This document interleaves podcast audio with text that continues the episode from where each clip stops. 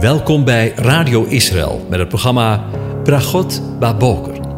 Een kort ochtendprogramma waarin een gedeelte uit de Bijbel wordt gelezen en besproken.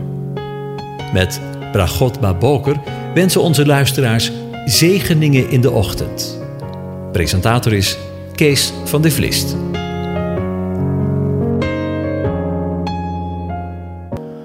Goedemorgen luisteraars. Vanmorgen wil ik met u nadenken over de eerste drie versen uit Psalm 56. Ik lees ze u voor.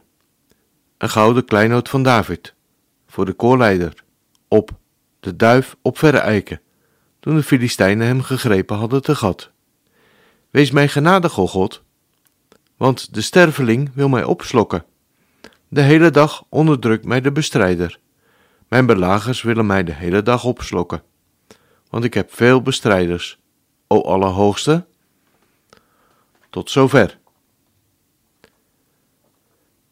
Zou David zoveel vijanden gehad hebben als hij niet tot koning was gezalfd? Waarschijnlijk niet.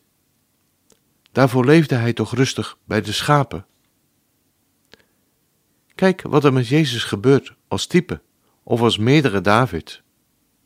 Mensen zagen hem als een gevaar in plaats van de Zoon van God die verlossing bracht.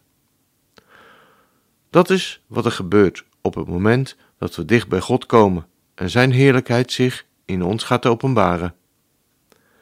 David heeft veel bestrijders, veel vijanden, mensen die niet kunnen accepteren wat God in David ziet. Jezus of Yeshua had veel bestrijders, veel vijanden, mensen die niet konden accepteren van wat de Vader in hem zag. Israël, het volk van God, heeft veel bestrijders, veel vijanden, mensen die niet kunnen accepteren wat God de Vader in hen ziet, ook vandaag de dag. En laten we ons niet wijs maken.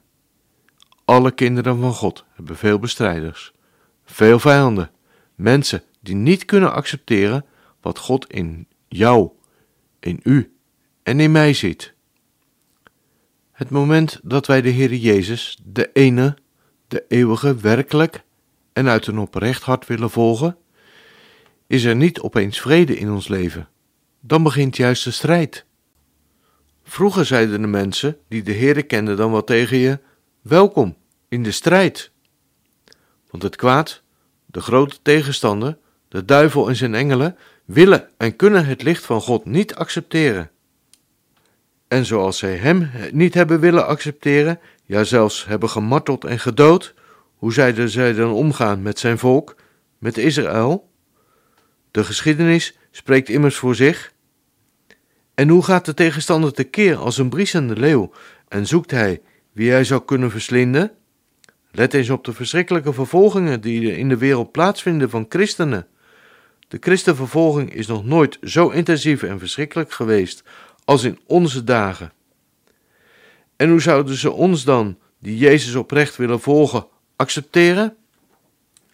Maar daar houdt het gelukkig niet mee op, want zegt de apostel Paulus: Maar in dit, meer, in dit alles zijn wij meer dan overwinnaars door Hem die ons heeft liefgehad. Hier ligt het wonder van het Evangelie, dat de apostel uit eigen ervaring kan doorgeven. Deze kracht wordt in zwakheid volbracht. Onze kracht, die wordt in zwakheid volbracht. Door nederlaag en overwinning. Door dood tot opstanding. Wie zichzelf vernedert, die zal verhoogd worden. En zo worden we meer dan overwinnaars. Niet uit onszelf, maar door Hem, die ons heeft liefgehad.